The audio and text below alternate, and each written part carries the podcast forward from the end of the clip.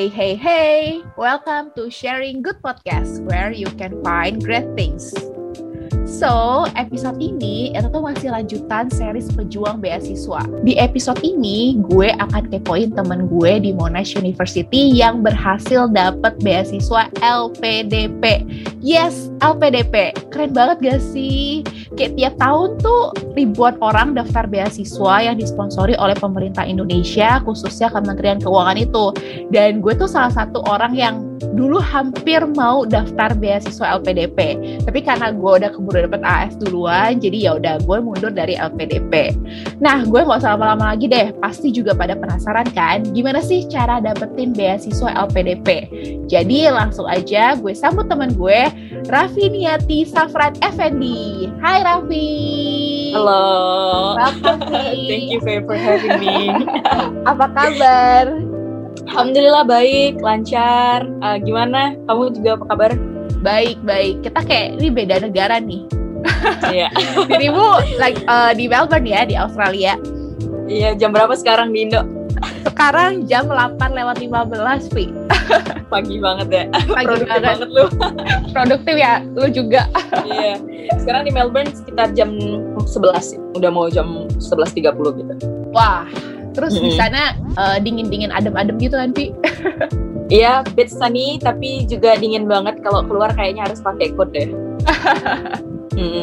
Emang unpredictable gitu sih, kayak weather di Melbourne. Bener-bener kayak Australia itu dia punya four season in a day. Jadi Mhm. bisa aja pagi dingin banget, siang tiba-tiba terik gitu, sore tiba-tiba hujan. jadi kayak iya. Jadi di tas itu harus uh, pakai coat tapi siap juga jas hujan atau payung gitu. Kalau enggak iya, aduh. Kayak kalau keluar tuh harus bawa senjata tempur ya, biar aman Iya sentosa. benar-benar benar. Di sana gimana, Vi, COVID?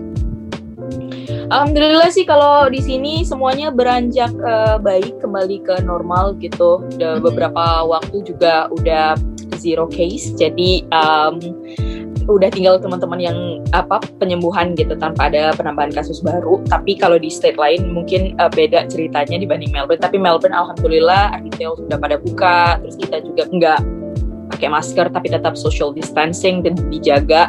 Um, ya so far kita uh, mulai beralih ke kehidupan normal biasa gitu tapi tetap aja pada uh, pada dasarnya ada new normal kan jadi segala sesuatu yang kemarin kita related to covid itu akan mempengaruhi the way gimana kita hidup sekarang dan salah satunya yaitu kalau misalnya kita nggak bisa jaga 1,5 meter sama teman gitu kita wajib pakai masker sih gitu. Wah, memang Australia tuh ya udah bagus lah ya penanganan COVID ya, Vi. Bener bener bener bener.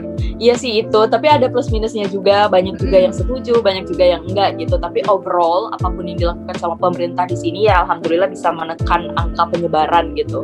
Dan ketika misalnya mereka mendeteksi oh kayaknya ada penyebaran dari hotel karantin gitu terus misalnya oh dan itu udah menyebar ke warga sipil mereka pokoknya antisipasi ya udah langsung lockdown gitu.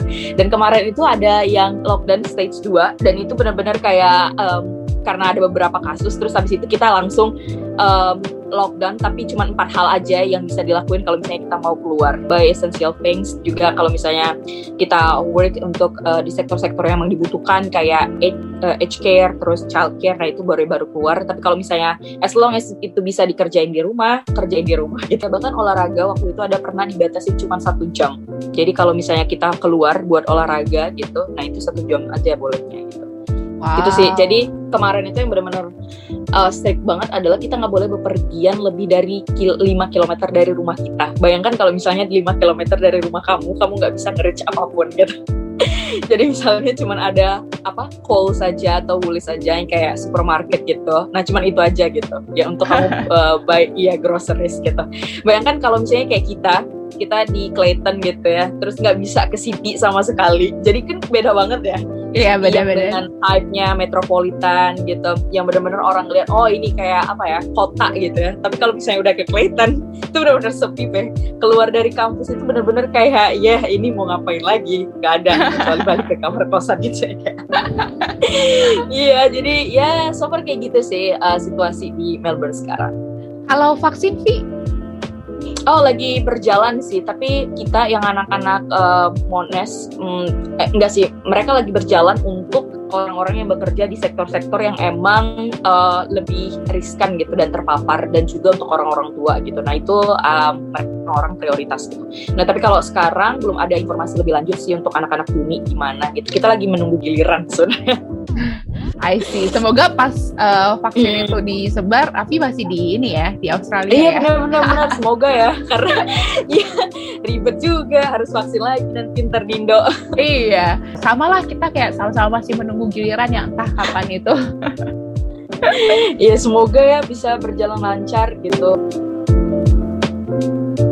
BTW Vi, Raffi belum kenalan nih. Kesibukan Raffi sekarang, terus uh, hobinya apa sih sama kerjaan atau aktivitas Raffi sebelum lanjutin S2 nih di Monash? Oke, okay, um, jadi hai semuanya pendengar podcastnya Paslin. Jadi thank you banget udah diajakin. Kenalan dulu mungkin ya, aku Raffi jadi sekarang sedang menjalani perkuliahan master di Monash University jurusannya uh, Strategic Communications Management.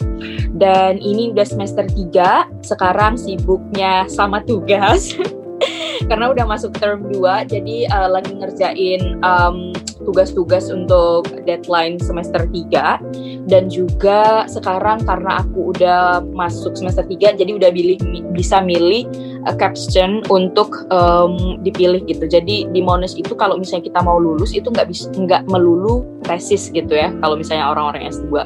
Tapi bisa juga lewat internship atau misalnya kita mau ngerjain project gitu yang beda dari uh, tesis itu diperbolehkan gitu. Nah, tapi kalau aku itu milih tesis, jadi sekarang lagi sibuk juga ngerjain revisi oh. terus sama dosen iya. Ternyata susah, Bos. Tidak semudah yang dibayangkan ya. iya, nggak semudah yang dibayangkan gitu. Dan benar-benar kayak preparationnya juga benar-benar ini harus matang dan dia demanding sih. Jadi kayak oh lagi benar-benar fokus ke sana. Kalau untuk yang lain di sela-sela waktu luang itu lebih banyak explore resep-resep karena kayaknya suka masak so far dan suka makan. Dan lebih apa ya lebih ramah di kantong mahasiswa ya masak sendiri. Benar-benar kayak gitu sih. Nah jadi makanya dijadiin hobi sih karena sebenarnya butuh. Kalau enggak kalau nggak masak nggak makan sebelum kuliah dapat uh, di Monash uh, pakai LPDP, aku fresh graduate sebenarnya. Jadi aku kuliah uh, lulusnya 2018 akhir. Terus abis itu alhamdulillahnya keterima LPDP di 2019 akhir dan mulai kuliah itu sekitar uh, Februari 2020 gitu. Jadi aku wow. orang yang ya masih belum ada pengalaman pengetahuan apa pun gitu. Tapi alhamdulillah LPDP berbaik hati. Wah keren banget sih langsung dapat ya berarti uh, first trial artinya kan? Iya, yeah, alhamdulillah Fe. Jadi kayak mungkin banyak doa dari orang lain juga sih cool, cool, cool. Nah, kenapa sih emang tertarik uh, dan pengen banget lanjutin S2, Vi? Oke, okay, jadi um, dari S1 tuh udah ikut organisasi kan terus ketemu sama orang-orang yang kayaknya keren banget gitu ya. Mereka apa namanya kuliah di luar juga kayak apa ya pengetahuannya itu bener-bener apa mukau gitu. Bener-bener bikin aku kayak wah keren banget gitu ya. Bisa kayak uh, punya mindset kayak gini pengetahuannya bisa seluas itu kayak gitu. Dan aku kayak berpikir oh mungkin salah satu faktornya adalah ketika dia menempuh pendidikan formal itu di tempat yang benar-benar berbeda gitu dan juga punya pengetahuan yang berbeda daya pikir terus apa critical thinkingnya juga benar-benar berjalan. Dan aku pikir kayak oh kayaknya boleh nih dicoba gitu pada saat itu ya anak semester 5 semester 6 gitu pada saat itu.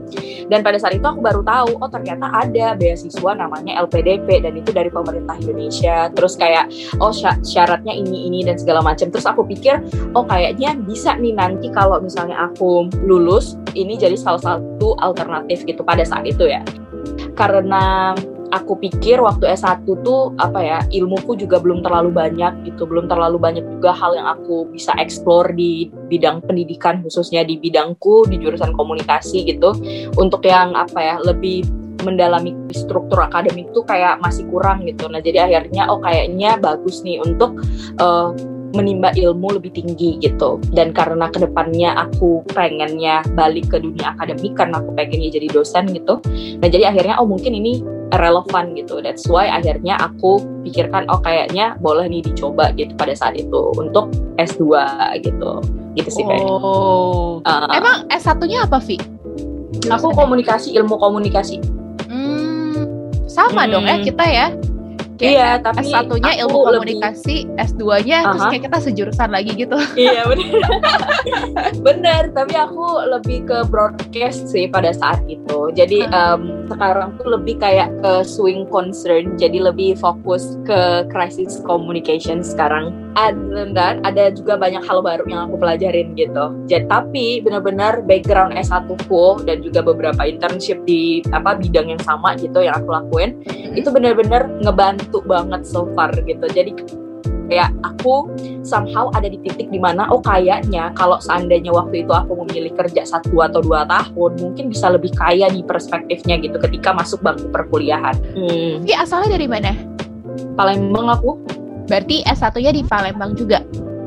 Iya di Unsri Unsri Universitas Ah. Sriwijaya Mm-mm. I see. Nah, mungkin beberapa listeners atau bahkan ada orang mungkin ya yang belum tahu nih, Vi, apa sih beasiswa LPDP itu? Boleh nggak, Vi, dijelasin dikit aja? Oke, em, kayaknya kita udah mulai masuk ke beasiswa LPDP, tapi Ah. aku mau state dulu kalau misalnya apa yang aku sampaikan itu benar-benar based on my experience ketika aku dapat dan juga proses LPDP di tahun 2019. Karena LPDP itu biasanya dari tahun ke tahun ada kebijakan-kebijakan yang diubah gitu, Pe. Jadi Oh. nggak saklek apa iya, jadi nggak saklek kayak oh LPDP itu kayak gini atau kayak gini gitu. Nah bisa aja berubah gitu tergantung situasi kondisi menyesuaikan karena mereka terus berbenah kan. Ketika pas dia buka, dia bukanya untuk apa gitu. Dan persyaratannya bisa aja sama, bisa aja ada yang ditambah, bisa aja ada yang dikurangi gitu. Jadi benar-benar ini aku ngomong berdasarkan experience aku tahun 2019 dan berdasarkan benar-benar apa yang aku lewatin pengalamanku gitu. Jadi nggak ada kayak apa ya saklek harus kayak gini harus kayak gini karena aku juga bukan tim seleksi tim panitia gitu. Jadi aku juga nggak tahu. Sebenarnya tuh biasa aku juga nggak tahu kenapa aku diterima. Oke, noted, noted. yes tapi at least kayaknya ka- apa yang mungkin aku bisa sharing gitu kalau misalnya bagus diambil baik-baiknya aja tapi kalau misalnya enggak mungkin disesuaikan aja sama kebutuhan kalian dan kebutuhan LPDP pada saat kalian mendaftar Yap. Gitu sih oke em, jadi in short LPDP itu dia eh, beasiswa untuk melanjutkan S2 atau S3 di dalam dan di luar negeri yang diberikan oleh pemerintah Indonesia dikelola sama Kementerian Keuangan sejauh ini. Tapi di tahun 2000 2019 mereka udah bekerja sama dengan banyak lembaga, salah satunya Kementerian Keagamaan. Itu kenapa ada beasiswa LPDP khusus untuk jalur santri kayak gitu. Nah jadi em, em, LPDP tentu aja nggak bisa bekerja sendiri gitu kan. Nah sekarang pun di tahun 2020 mereka udah kerjasama sama Kemendikbud gitu. Nah jadi benar-benar eh, ini pengelola utamanya Kemen eh, Kemenq, tapi itu hasil kontribusi dari banyak lembaga gitu, dari banyak kementerian. So far di tahunku itu dia cuma menyediakan beasiswa untuk anak yang mau S2 ataupun S3 gitu dalam atau luar negeri. Tapi di tahun-tahun sebelumnya itu mereka masih sama pro- eh, apa prosedurnya tetap S2, S3 juga gitu. Tapi dengan eh, kebijakan yang mungkin bisa dikatakan lebih apa ya menyesuaikan gitu ya kebutuhan dan juga hasil evaluasi per tahun gitu. Ketika teman-teman mendengar gitu atau dapat sharing dari URD gitu ya. Jadi jangan sampai berpatokan sama satu sumber itu aja gitu. Tapi benar-benar dilihat karena LPDP selalu punya buku panduan setiap tahunnya ketika mereka membuka pendaftaran.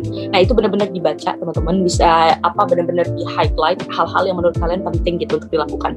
Jadi jangan sampai kita cuman kayak oh eh, kayak kata si kakak ini oh dia LPDP kayak oh harus kayak gini kayak gini kayak enggak kayak gitu. Jadi ada standarnya dan standar itu eh, dikeluarkan LPDP semuanya diceritain sama LPDP udah ditaruh plug gitu di LPDP di buku panduan. Jadi nggak ada salahnya ketika teman-teman bukan cuman LPDP aja ketika kalian mau mendaftar, penting banget untuk tahu gitu value dari beasiswa itu. Beasiswa itu untuk siapa? Beasiswa itu tuh hadir karena apa gitu. Dan beasiswa itu cari orang yang seperti apa itu penting banget tahu. Dan balik lagi kuncinya adalah riset kayak gitu.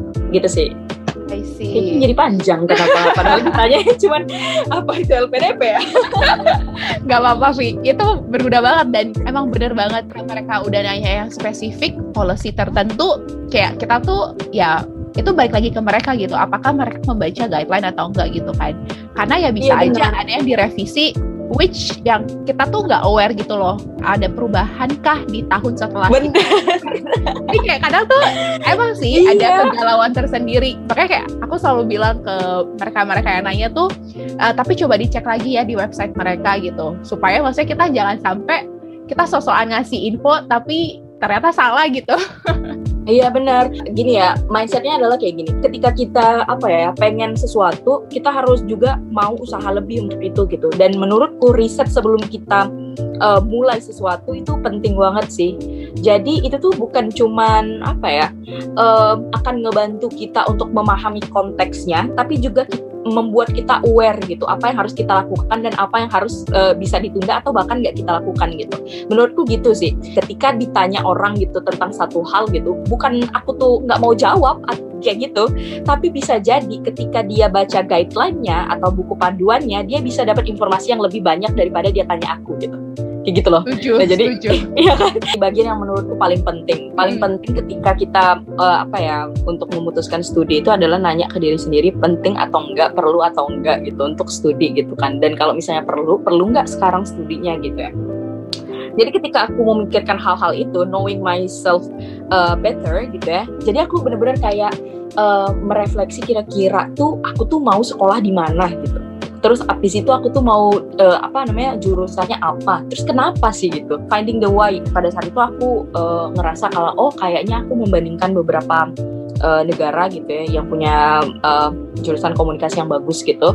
Jadi akhirnya aku kayaknya oh aku pengen nih uh, dapat atmosfer yang anak-anaknya benar-benar internasional gitu dan benar-benar kayak oh orang-orang dari diverse background. Tapi aku pengen juga uh, mereka masuk dalam apa namanya 100 ranking dunia gitu-gitu loh. Jadi akhirnya sampai pada keputusan oh kayaknya aku pengen Australia pada saat itu dan pada saat itu aku pilih beberapa apa ya uni yang menawarkan komunikasi oke nih kayaknya Monash yang paling tepat. Oke, karena aku udah tahu aku pengen di Australia dan beasiswa yang menurutku paling berpeluang untuk apa ya ngasih semua yang aku butuhkan ketika aku studi gitu ya, mengcover semua yang aku butuhkan ketika aku studi itu dua, ya AAS kalau nggak LPDP gitu. Kebetulan pada saat itu di tahun 2019 AAS buka duluan kan sekitar sekitar bulan Februari kalau nggak salah. Benar. Iya, dan waktu itu LPDP itu bukanya sekitar bulan Mei. Nah, jadi pada saat itu ada apa ya? em, aku lagi nunggu AAS pengumuman administrasi, tapi aku juga udah masukin LPDP untuk seleksi administrasi gitu. Nah, jadi pada saat itu oh ya udah apa pun intinya aku jalanin dua beasiswa ini. Tapi itu aku bener-bener riset tentang dua beasiswa ini. Maksudnya kayak aku bener-bener persiapkan untuk keduanya gitu pada saat itu.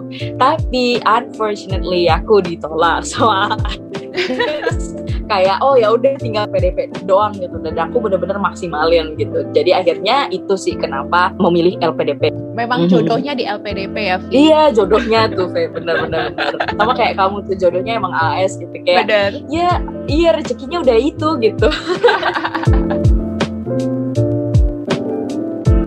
Step by step application prosesnya tuh seperti apa sih kalau di LPDP? Oke, kalau di tahun 2019 itu ada tiga eh, stepnya. Jadi pertama ada online application itu seleksi administrasi. Terus abis itu yang kedua kalau lulus, jadi ini sistemnya gugur ya. Jadi kalau misalnya kita lulus di tahap pertama, kita ngelanjut ke tahap kedua gitu. Hmm. Nah, habis itu seterusnya sampai tahap terakhir di seleksi substansi. Jadi seleksi pertama itu seleksi administrasi, seleksi keduanya seleksi berbasis komputer, terus seleksi ketiganya em, seleksi substansi atau wawancara. Nah, aku mungkin jelasin satu-satu ya, tapi brief aja. Yap.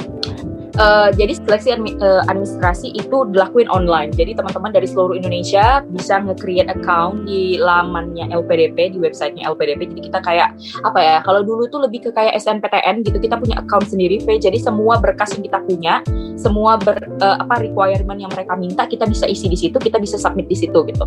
Nah jadi eh, salah satu requirementnya itu adalah tes kesehatan gitu. Nah tapi ketika teman-teman mau keluar negeri itu nggak bisa cuma tes kesehatan general. Kalau nggak salah mereka minta ada surat bebas TBC kalau nggak salah. Tapi coba dicek lagi ya.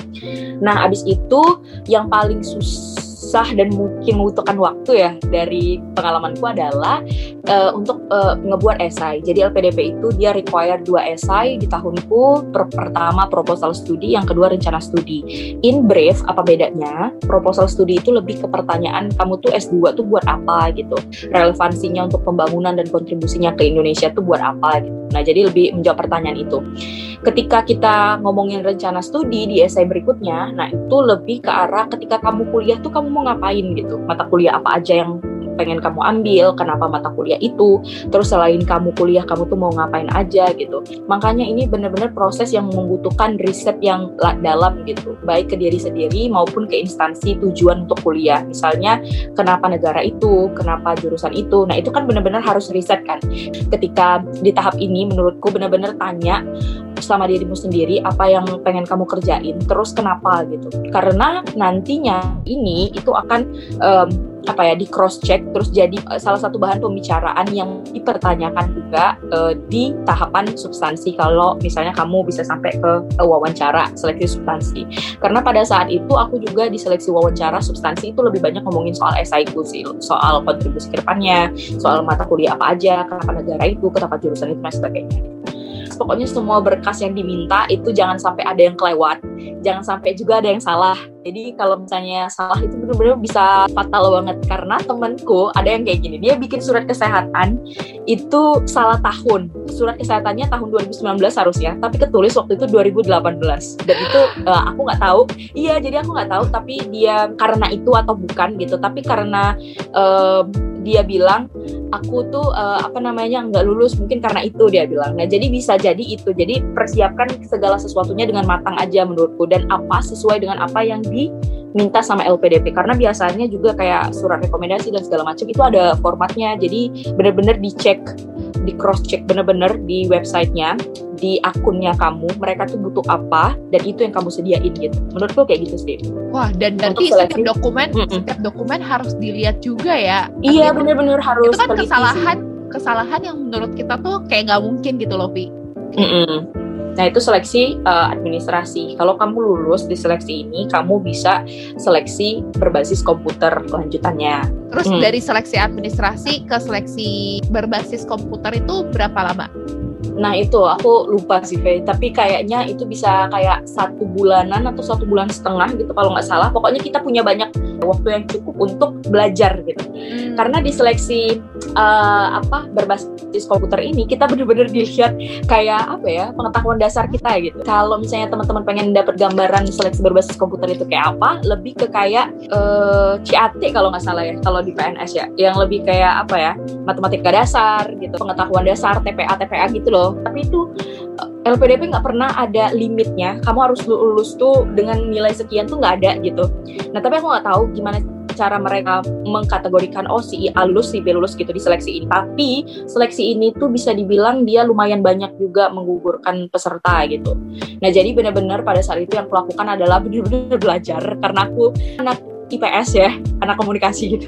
Udah lama aku nggak bersentuhan dengan matematika udah lama aku nggak bersentuhan dengan angka-angka gitu ya kayak logika gitu-gitu. Yep. nah jadi aku benar-benar harus belajar kayak sehari kayaknya aku bisa ngabisin kayak 50 soal gitu. Aku benar-benar belajar kayak orang gila oh. gitu kan iya soalnya aku ngerasa oh ya FYI kalau di Palembang tuh nggak ada apa namanya lokasi untuk tesnya tes SBK jadi aku harus ke Jakarta at least yang paling deket gitu nggak semua apa tempat di Indonesia diselenggarakan sama LPDP di, nggak di semua kota gitu. Nah jadi kita harus memilih gitu lokasi yang paling dekat. Tapi itu ada pilihannya Medan Padang gitu uh, yang deket terus ada juga Pekanbaru gitu sama Jakarta. Tapi mahal banget boy tiketnya. Jadi yang paling murah adalah Jakarta. Jadi akhirnya aku pilih kayak oh ya udah di Jakarta. Nah aku prinsipnya kayak oh jangan sampai nih udah jauh banget. Tapi aku datang ke sini nih buat gagal gitu. Aku nggak nggak pengen banget gitu.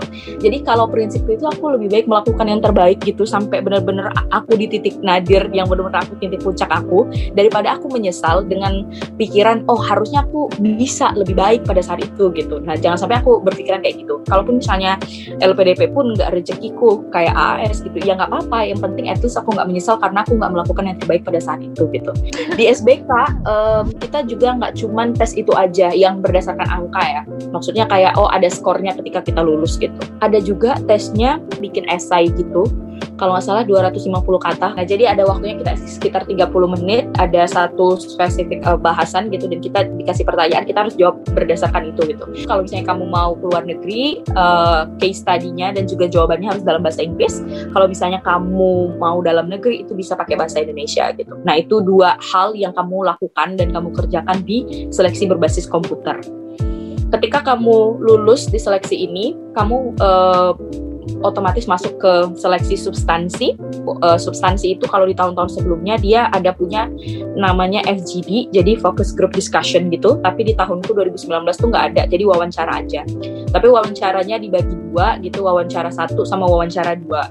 Nah wawancara satu itu lebih ke kayak pengetahuan kita soal Indonesia gitu lebih ke kayak apa ya nasionalisme gitu gitu loh Fe. Terus di seleksi yang kedua, nah ini lebih apa ya lebih uh, tough menurutku. Karena kalau misalnya wawancara duanya itu sama tiga orang uh, kita di, lebih ditanya soal perkuliahan terus juga mungkin ada sisi psikologis juga kayaknya karena aku beberapa pertanyaan itu lebih ke arah kamu anak pertama ya gitu tanggung jawabmu gede, gede gitu gitu dan segala macam. Lebih digali tentang diri kita dan personality kayaknya. Sama terakhir satunya orang LPDP mungkin aku nggak tahu juga tapi dia lebih menekankan ke arah kontribusi kita. Dan itu uh, seperti yang aku bilang tadi, apa-apa yang kita tuliskan di esai kita pada saat kita mendaftar seleksi administrasi itu benar-benar diklarifikasi gitu di wawancara itu gitu. Nah, jadi benar-benar ketika kita menuliskan sesuatu itu make sure apa pun yang kita tulis gitu itu dapat kita pertanggungjawabkan gitu, Be. Dan untuk persiapan apa ya wawancara itu benar-benar aku uh, latihan gitu sama teman-teman terus sama mentorku gitu latihan kayak oh kalau misalnya jawabannya tinggi kayak gimana gitu. Nah, apa? Nanya pendapat mereka juga gitu. At least kita kalau misalnya kita ditanya gitu ya kenapa pilih jurusan ini atau ditanya kenapa pilih negara ini. Nah kita harus apa ya udah udah ada persiapan gitu jawabannya kenapa gitu. pada saat itu aku benar-benar kayak mulai dari pakaian apa pun yang aku pakai pada saat itu aku cari. Jadi waktu itu aku pakai batik Palembang gitu kan. Nah tapi nah pada saat itu cuman supaya aku nggak kagok nggak grogi ketika ditanya itu motif batiknya apa ya artinya? gitu sampai aku googling Fe jadi benar-benar aku cari gitu aku persiapkan serius Vi iya beneran. Jadi sampai jangan sampai ketika aku kayak ditanya sesuatu aku jawab oh nggak tahu sorry aku bakalan jawab ya. Aku nggak mau kayak gitu. Tapi ini benar-benar mungkin nggak akan berkontribusi apa pun gitu ke nilai wawancaramu tapi at least dia akan berkontribusi ke tingkat kepercayaanmu menurutku. Benar. lebih ke kayak untuk menciap mencairkan suasana gitu. Kayak oh, oh ngobrolnya tuh tiktoknya dapet gitu. Kalau misalnya kita nggak gelagapan jawab dan kita nggak kayak uh, apa jawabnya nggak tahu gitu jadi kayak awkward banget kan kalau misalnya oh sorry nggak tahu gitu kayak. Lebih ngaruh ke impressionnya pasti ya. Iya mungkin aku tahu. iya mungkin bisa jadi ya. Jadi aku juga apa ya aku bisa keep up dengan apa pace-nya gitu. Karena itu bener-bener kayak itu tuh udah di tahap terakhir Ve jadi kayak apa pun bisa terjadi kan dan bisa jadi itu nggak lulus di tahap wawancara gitu. Padahal kamu udah melakukan iya kamu udah melewati dua tahap sebelumnya yang sulitnya tuh juga sama gitu maksudku.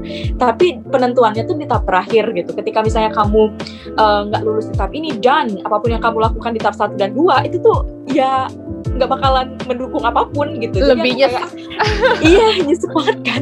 Jadi kayak oh ya udah berarti harus benar-benar maksimal harus benar-benar matematikanya dipersiapin di sini gitu. Itu kenapa aku sampai kayak doing a silly things like that. Jadi kayak benar-benar oh ini harus di googling aku harus tahu jawabannya gitu-gitu dan segala macam. Eh, aku juga kayak siapin file for folder gitu. Aku nge-print out eh, kegiatan aku selama kuliah gitu organisasi apa aja yang aku lakukan terus kayak pencapaian-pencapaiannya apa aja ikut lomba-lomba dan segala macam. At least kalau misalnya mereka oh boleh saya lihat foto-fotonya dan segala macam aku nggak bakalan grogi atau ngeliat-ngeliat apa ya kayak kagok terus aku nunjukin HP aku kan kayak gitu. Dan pada saat itu ada satu hal yang menarik juga kayak aku udah mulai ngerjain podcast pada saat itu dan eh, apa namanya aku print bahkan dari Spotify itu list Wih. apa namanya ya konten-kontennya. Jadi aku bisa oh duit se- selama nunggu ini dan segala macam aku ngerjain ini dan segala macam. Jadi mereka bisa lihat aktivitasnya juga gitu dan segala macam Oke dan selesai substansi ya jadi kayak sekitar I don't know maybe sekitar dua minggu atau tiga minggu setelah itu ada pengumuman. Kayak aku lima bulan proses eh, apa LPDP dari Mei sampai em, September pengumuman 17 September kalau nggak salah itu announcementnya via apa Vi Hmm, itu semuanya lewat web. Jadi ketika misalnya kamu udah selesai wawancara, udah selesai seleksi berbasis komputer yang tadi, kamu bisa balik ke ke, ke kotamu masing-masing gitu dan tunggu aja lewat uh, apa bakalan diumumkan online gitu. Bakalan ada pemberitahuan di akunmu yang tadi yang kamu bikin pada saat seleksi administrasi dan itu akan ada notifikasi apa uh, kamu lulus administrasi atau enggak, kamu lulus SBK atau enggak, terus kamu lulus wawancara atau enggak. Jadi kita lihatnya berdasarkan itu.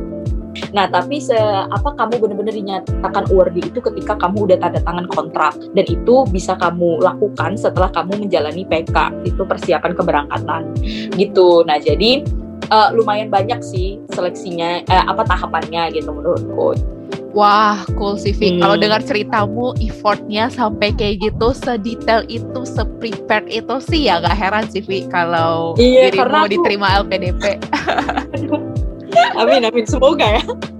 Karena hal itu juga aku ngerasa banget pe. Uh, kalau misalnya usaha kita tuh nggak akan pernah mengkhianati hasilnya. Bener. Bener-bener ketika uh. misalnya iya kan ketika kita udah mati-matian segala macam tuh kayak mungkin Tuhan tuh terenyuh gitu kan. Kayak ya lulusin aja nih anaknya bener bener bener bener bener ya bener nah tahap selanjutnya adalah berarti si PK itu Iya, persiapan itu keberangkatan. Itu berapa ya. lama sih? Waktu itu satu minggu sih, tapi fun, acaranya fun banget. Jadi kayak kita uh, apa ya banyak performance. Itu tuh acara dari kita buat kita kayak gitu loh. Jadi kita bisa jadi panitia ngebantuin. Oh iya. Gitu juga. Jadi waktu itu aku iya, jadi aku buat kayak aku karena aku suka foto, fotografi maksudnya. Terus aku juga suka shoot video dan segala macam ya. Aku ikutan tim Pupdek Dog gitu eh, dokumentasi. Terus habis itu ya ada teman-teman yang mereka hobi misalnya soal kebudayaan, nari dan segala macam, mereka bisa ikutan performance. Terus juga buat teman-teman yang mereka suka kulineran dan segala macam, kita bikin stand gitu untuk jajanan Santara kayak gitu. Terus di sana juga kita bikin social activities gitu dan apa kayak um, ngajar anak-anak dan segala macam. Pokoknya kita bikin kayak benar-benar acaranya tuh kayak kita engage satu sama lain tapi ada value-nya gitu Pe. Dan itu tuh yang aku rasain banget sih di PK dan kayak acaranya super duper fun dan juga kayak wah gitu bener-bener seru sih. Apa ya rasa menghargai sesama gitu gotong royong kerjasama terus kayak uh, apa integritas gitu-gitu loh sama value dari LPDP-nya aja. Dia berharap worthy-nya itu punya value apa aja sih kayak gitu. Gimana caranya nih anak tetap bisa kayak apa menjaga keindonesiaannya menjaga komitmennya menjaga integritasnya ketika dia berada di satu negara yang memang dia jadi minoritas gitu di situ dan menurutku itu penting sih itu kenapa menurutku PK adalah salah satu uh, apa ya step yang benar-benar valuable dan ngebantu aku banyak sih. Di sana juga kita bisa networking gitu. Maksudnya kayak oh kita punya teman-teman satu angkatan dan mereka tuh diverse background banget kayak dari satu Indonesia tuh bisa ketemu di sana. Hmm. PK-nya di mana Vi? Di Jakarta? Waktu itu iya aku di Jakarta. Uh, di Ancol apa ya? Ada di hotel di Ancol tuh kalau Berarti datang ke Jakarta untuk ketiga iya. kalinya iya. nih pas PK. Datang ke Jakarta untuk ketiga kalinya. Beasiswa tuh butuh dana, coy. Nggak bisa kayak iya dibiayain, tapi dibiayain itu ketika kita udah jadi worthy-nya. Sebelum itu ya dana sendiri gitu. Benar-benar. nah, jadi, iya, jadi harus benar-benar bisa manage sendiri sih. Setelah hmm, PK terus ada tahap selanjutnya lagi nggak ada sih. Kalau udah PK ya paling kita tinggal nunggu uh, apa namanya kita tinggal nunggu instruksi selanjutnya. Karena di PK ada satu hari terakhir kalau nggak salah. Entah hari terakhir atau hari pertengahan gitu dia menjelaskan seluruh tentang beasiswa. Jadi hak kita apa, kewajiban kita apa, apa yang harus kita lakukan, stepnya gimana, itu jelaskan semua di situ. Kalau udah PK tuh yang paling dekat itu ya tanda tangan kontrak sih. Abis itu baru kita bisa ke tahapan selanjutnya. Kita butuh bahasa Inggris lagi atau enggak gitu. Dan itu uh, kita tinggal menyesuaikan gitu. Gimana cara mendapatkan eh, apa namanya uh, mulai prosesnya gitu. Nah itu semuanya lengkap sih di buku panduan kalau misalnya udah keterima gitu. Uh, okay. Kan tadi dibilang PK itu cuma seminggu gitu kan. Nah, mm -hmm. artinya apakah ada briefing khusus untuk mereka-mereka atau awardees yang ke Australia nih? Atau misalnya mereka akan dibagi per negara? Karena itu gabungan kan sebenarnya. Dan tujuan mm -hmm. negaranya kan pasti beda-beda. Kalau official dari LPDP sih nggak ada. Tapi yang aku suka dari LPDP itu adalah mereka itu punya uh, apa ya kumpulan alumni yang kuat gitu.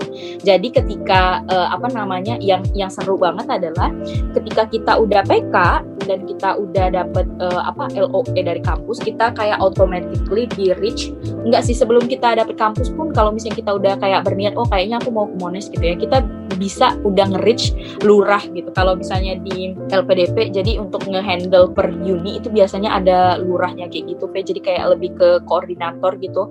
Dan juga orang yang bisa apa namanya komunikasi uh, shortcutnya kalau mau komunikasi sama LPDP lah gitu daripada hmm. lewat customer service-nya. Nah, yes. Nah jadi kita bisa nge-reach mereka. Jadi kita punya apa ya uh, someone to talk to gimana kondisi di sana, terus apa aja kira-kira persiapan segala macam gitu. Nah itu yang uh, apa ya lebih ke sharing awardee yang mereka udah selesai kuliah ataupun yang lagi kuliah di Australia. I see kuota LPDP tuh berapa sih, Vi? Maksudnya mereka setiap tahun itu bakal nerima berapa awardee? Oke, okay. nah sebenarnya tuh nggak ada apa ya jumlah pasti gitu, Vi. Aku juga nggak tahu. Sampai sekarang pun aku nggak tahu tuh seangkatan yang diterima itu aku nggak tahu juga sih. Tapi maksudnya oh. tuh kalau yang PK-nya tuh ya adalah sekitar seratusan seratus uh, mau reach 150 something gitu. PK-nya tuh dibagi batch gitu kali ya? Mm -mm. LPDP itu nggak mewajibkan pendaftarnya untuk punya LOE dulu ya, Vi? Iya benar-benar benar. Kalau LPDP kalau di tahunku itu kamu bisa ikutan dari uh, pokoknya dua term lah. Kamu bisa uh, daftar pakai LOE kamu bisa daftar tanpa LOE tapi kamu ketika kamu lulus kamu dikasih antara satu sampai satu setengah tahun untuk daftar eh, untuk dapetin LOE-nya gitu. Kalau misalnya kamu udah punya LOE at least bisa lebih cepat aja kuliahnya gitu. Nggak ada fit kalau, perbedaan yang signifikan I see. Hmm? kalau di case ya Raffi berarti uh, punya LOE dulu baru apply beasiswa LPDP atau kebalikannya? Jadi aku daftarnya itu aku belum ada LOE karena waktu itu aku mau ganti jurusan. Tau nggak? Aku tuh milihnya communication and media studies waktu itu. Oh ya iya. Nah tapi habis itu ada waktu itu aku ada ikut sesi dari orang Monash Uni terus dia memperkenalkan jurusan ini. Gila aku langsung kayak pokoknya aku mau ganti jurusan. Dan itu kayak iya butuh waktu kayak berapa lama gitu ya sampai uh, udah harus submit uh, ini submit berkas untuk seleksi yang pertama. Jadi akhirnya aku submit tuh tanpa LOE tapi di pertengahan jalan pas wawancara udah mau deket wawancara itu aku udah keluar alhamdulillahnya. Jadi pada saat itu aku tunjukkan ke panitia seleksinya. Requirement English di LPDP tuh berapa fee? Macam-macam sih tergantung kamu masuknya jalur apa. Dan kalau misalnya pengen tahu standarnya berapa, lihat dulu kamu mau masuk jalur apa di LPDP dan biasanya setiap jalur itu ada requirementnya berapa apa namanya English proficiency yang mereka haruskan kayak gitu. Benefit dari LPDP Rivi selain stipend ya. Jadi um, ya alhamdulillahnya LPDP LPDP itu mengcover semua yang kamu butuhkan. Tapi dia nggak nggak ngecover medical check up jadi medical check upnya harus bayar sendiri. Nah pada saat itu uh, apa namanya ketika kamu resmi dinyatakan sebagai awardee pertama kamu akan dibiayain biaya kalau seandainya kamu daftar di Unimelt misalnya ya. Kamu daftar di Unimelt dan itu butuh kayak uh, apa ya uang pendaftaran kampus Nah, itu dibayarin sama LPDP. Terus kamu butuh visa jadi uang visa itu dibayarin juga. Terus abis itu tapi untuk medical check up visanya tadi nah itu yang nggak dibayarin. Terus abis itu kamu dibayarin juga tiket untuk pergi ke negara tempat kamu belajar.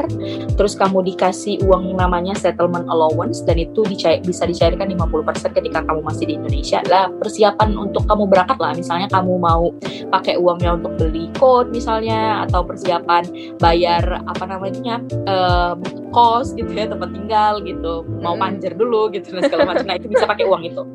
Terus pas kamu nyampe kamu dikasih lagi 50% uang settlement allowance kamu gitu. Nah itu untuk bisa kamu settle selama kamu menunggu living allowance-mu gitu. Jadi kamu bisa kayak oh untuk belanja untuk groceries gitu-gitu untuk kebutuhan hidup lah ya nah terus habis itu dari sana kamu bisa akses living allowance nah kalau LPDP aku nggak tahu kalau AAS itu sistemnya kayak gimana tapi kalau LPDP itu dia bayar uang uh, biaya hidup kita itu per tiga bulan. Jadi per tiga bulan tuh langsung kaya raya. Tapi abis itu kalau nggak bisa apa namanya nge-handle nge-manage-nya udah hmm. bisa jatuh miskin. Terus abis itu kita dapat uang buku namanya. Tapi ini di dalam dan luar negeri itu sama sih jumlahnya gitu. Nah itu yang enaknya. Jadi kalau misalnya kita ada buku-buku yang wajib gitu di mata kuliah nah kita bisa pakai itu. Kalau misalnya kamu mau lomba ke luar negeri ataupun seminar ke luar negeri gitu tapi ada syaratnya sih dari LPDP gitu. Kalau misalnya kamu lulus persyaratannya kamu bisa mengajukan uh, dana juga gitu untuk fundingnya gitu. Terus kalau misalnya kamu S3 itu bisa juga uh, atau kamu master by research, nah itu penelitianmu juga bisa untuk komponen-komponen tertentu yang ditentukan sama LPDP bisa juga pembiayaannya uh, kamu ajukan gitu. Terus juga kalau kamu PhD itu kamu bisa bawa um, keluarga dan itu juga sekian persen ada dibantu dananya sama LPDP tapi kalau nggak salah itu berlakunya di tahun kedua gitu. Terus tiket kepulangan kalau kamu udah pulang nah tuh ditanggung juga sama LPDP gitu. Hmm. itu sih so far tuh udah cukup gitu. Apalagi kamu single gitu ya. Kayak kamu nggak punya tanggungan keluarga kayak anak istri gitu itu insya Allah bisa gitu. Kalau di LPDP sistemnya reimburse gitu kah? Atau gimana Vi? Nah, itu tergantung. Ada pendanaan yang sifatnya reimburse, ada pendanaan yang sifatnya uh, apa dibayarkan langsung gitu. Nah, waktu itu yang reimburse itu uang visa sama yang reimburse lagi kalau teman-teman mau daftar uni, nah itu invoice-nya kirim aja ke LPDP, tapi kita udah bayar duluan, habis itu baru diganti gitu.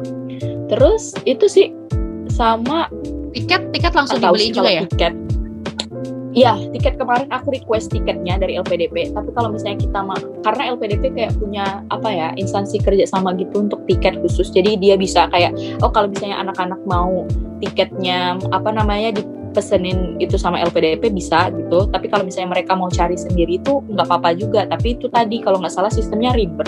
Hmm, I see. Oke, okay, Vi. Next question. Challenge okay. terbesar selama proses aplikasi menurut Raffi itu bagian mana sih? Menurutku adalah ketika menulis esai sebenarnya. Karena uh, apa ya esai itu dia uh, lebih ke arah hal-hal apa aja yang menurutku hmm, akan aku lakukan gitu di masa depan gitu ya. Dan juga kenapa si program apa studiku ini ini berkontribusi ke hal itu gitu. Karena ketika kita menuliskan esainya paling enggak kita tuh udah apa ya merancang masa depan kita sendiri loh gitu kayak jadi kayak yeah. oh kamu tuh ke depannya mau ngapain dan segala macam. Karena terkadang aku lulus S1 pun kayak aku masih bingung aku tuh mau jadi apa? Kayak aku tuh sebenarnya suka apa gitu dan segala macam. Jadi banyak iya kan? Jadi harusnya apa ya proses itu menulis esai itu membuat aku lebih banyak berefleksi gitu. Itu kenapa aku it takes time banget untuk hal itu. Jadi sebelum aku lulus aku udah mulai mikirin itu. Kayaknya ada sekitar enam wow. bulan sampai gitu. Iya. Hmm. selain itu mungkin lebih ke arah teknis sih. Lebih ke arah teknis misalnya untuk belajar uh, apa soal-soal TPA ketika untuk melewati seleksi berbasis komputer. Iya jadi itulah sih tahapan yang menurutku bener-bener kayak aku belajar sampai ya bener-bener pusing di sana rasisme gimana Vi? Sering terjadi nggak sih atau mereka hmm. benar-benar se-friendly itu terhadap diversity? Oke, okay, kalau misalnya menurutku mereka benar-benar sederhana itu sih. Tapi aku nggak tahu ya kalau misalnya pengalaman personal masing-masing orang ya, Maksud, maksudnya dari international student masing-masing gitu. Tapi kalau aku pribadi, alhamdulillahnya sampai saat ini aku belum pernah mengalami fase di mana aku dirasisin gitu ya. Wow, that's great kalau gitu. Ya, benar-benar. Pelajaran paling berharga, Vi, yang didapetin selama proses apply beasiswa kemarin tuh sampai saat ini nih kuliah di Australia tuh apa sih pelajaran paling berharga? Menurutku apa ya?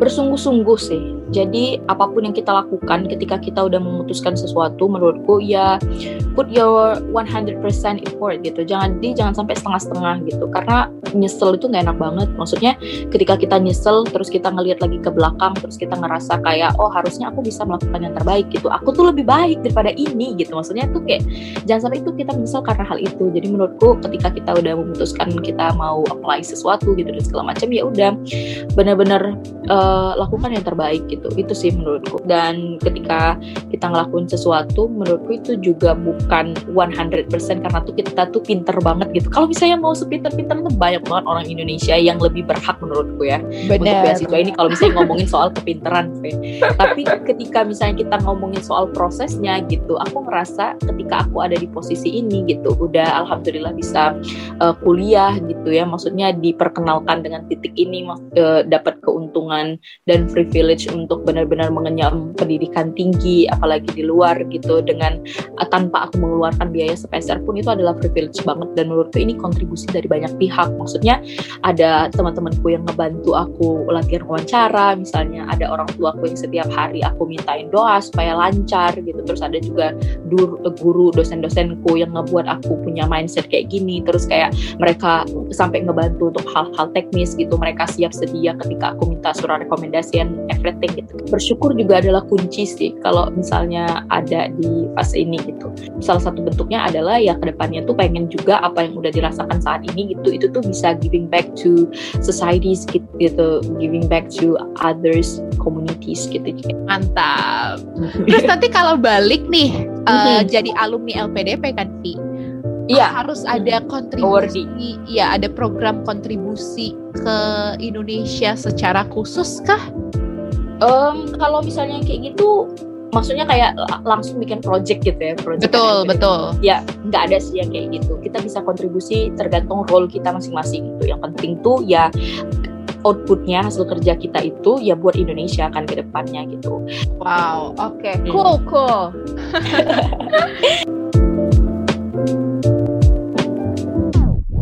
Mungkin boleh kali ya dipromosiin beasiswa LPDP ini terutama buat mungkin listeners yang mau daftar uh, eh, LPDP uh, eh, apakah lagi buka terus mereka bisa reach atau cari informasi lewat mana gitu Fik. Hmm.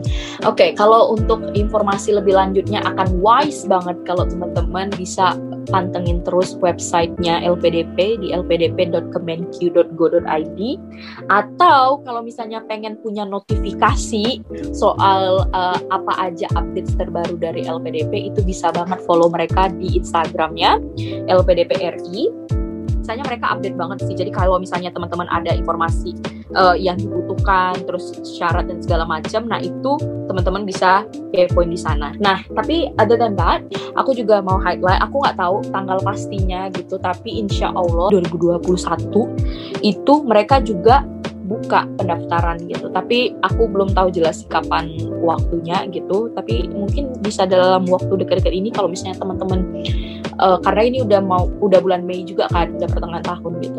Persiapkan aja dengan maksimal gitu. Terus uh, apa lihat juga uh, sharing juga dari award-award yang sebelumnya gitu. Mungkin ada insight yang bisa teman-teman ambil gitu gitu sih. Pokoknya kalau LPDP jalan terbaik menurutku dan jalan terbijak untuk apa namanya keep update dan juga bisa dapat sumber yang relevan dan juga benar gitu ya yang teman-teman butuhkan itu teman-teman bisa uh, apa sering-sering lihat websitenya yang tadi yang sudah sebutin dan yang kedua tadi follow juga di Instagramnya mereka mereka update banget Wih, tuh catat tuh catat. Oke, Vi. Nih terakhir nih ya ada nggak tips dan trik khusus buat listeners yang mau apply beasiswa LPDP sama seperti Raffi? Oke, okay. uh, eh, kalau buat LPDP yang paling utama adalah tanya dulu kenapa gitu ke dirimu gitu, kenapa mau S2. Terus kalau misalnya butuh banget nggak S2 gitu. Terus pertanyaan selanjutnya butuh banget S2-nya sekarang atau enggak gitu ya. Jadi benar-benar uh, apa ya kenali dirimu sendiri gitu jadi jangan sampai kita ngelakuin sesuatu atau kita daftar sesuatu itu tapi kita masih ragu terus kita masih nggak ada bayangan gitu kayak mm, mau ngapain gitu ini relevansinya ngapain dan segala macam jadi itu sih setelah itu lakukan yang terbaik gitu karena tadi nggak ada hasil yang benar-benar yang mengkhianati usaha gitu. Kalau misalnya hasilnya somehow tidak sesuai dengan yang kita apa ya ekspektasikan gitu nggak apa-apa. Berarti mungkin itu kesalahannya udah nggak ada di kita gitu. Tapi ini masalah rezeki aja gitu. Tapi um, dari kedua itu menurutku yang paling penting juga adalah persiapan. Karena sama aja kayak kita mau tempur gitu ya tapi kita nggak punya senjata apa-apa mati konyol. Jadi kayak um, harus uh, bener-bener dipersiapkan apa-apa aja gitu strateginya kayak gimana kalau bisa buat timeline gitu jadi bener-bener komit juga sama hal-hal itu gitu hal-hal yang kita rencanakan gitu. Nggak apa-apa di tengah-tengah jalan ada beberapa perubahan dan segala macam tapi goals dan tujuannya jelas gitu. Menurutku kayak gitu sih. Belajar latihan belajar latihan belajar latihan. Oh so inspiring thank you. Uh, Semoga berguna ya ini kebaca aja dari tadi. Pasti, ini pasti berguna banget sih. Menurutku udah bahas A to Z-nya loh. Nah, listeners, semoga dengan sharing episode dari Raffi ini itu bisa dijadikan referensi buat lo yang masih bingung mau apply beasiswa apa atau dijadiin motivasi buat gak cepet nyerah pas apply beasiswa karena menurut gue tuh LPDP salah satu beasiswa yang lumayan susah buat dapetinnya. Tapi ini gue udah bawa, udah punya living proof kalau Raffi aja tuh bisa, apalagi lo. Tentunya harus ada usaha, disiplin, dan konsistensi yang tadi Raffi bilang. Jadi semuanya itu nggak ada yang instan. Kita harus punya effort, kita harus punya usaha supaya kita bisa dapat beasiswa itu gitu. Nah, thank you so much ya Raffi udah mau sharing di sharing sama-sama. nah, kalau ada nih yang mau tanya-tanya lebih lanjut tentang beasiswa LPDP ke Raffi, enaknya ke mana nih, Oh boleh reach aku di Instagram di Rafini RN. Insya Allah aku kalau misalnya lagi luang-luang dan lagi berselancar Instagram, Insya Allah pasti aku jawab gitu. Tapi kalau misalnya agak slow respon, sorry banget karena ini lagi masa-masanya ujian dan segala macam. Jadi harus dimaklumi ya. Yeay. Yeay. Semoga setelah uh, dengerin podcast ini, teman-teman yang mau apply beasiswa LPDP nih terutama bisa semakin termotivasi ya, bisa lebih semangat. Amin. Amin. Terima kasih ya udah dengerin. So, next episode gue akan coba invite pejuang beasiswa lainnya nih. Semoga dapet nih yang kayak Raffi kayak gini deh. Dan yes, seperti biasa juga, gue mau ajak lo buat follow Sharing Good Podcast ini dan share ke berbagai platform supaya makin banyak orang-orang yang dapat hal baik. So, see you on the next episode. Thank you so much, Raffi. Kita bye-bye. Sama bye-bye. Yay.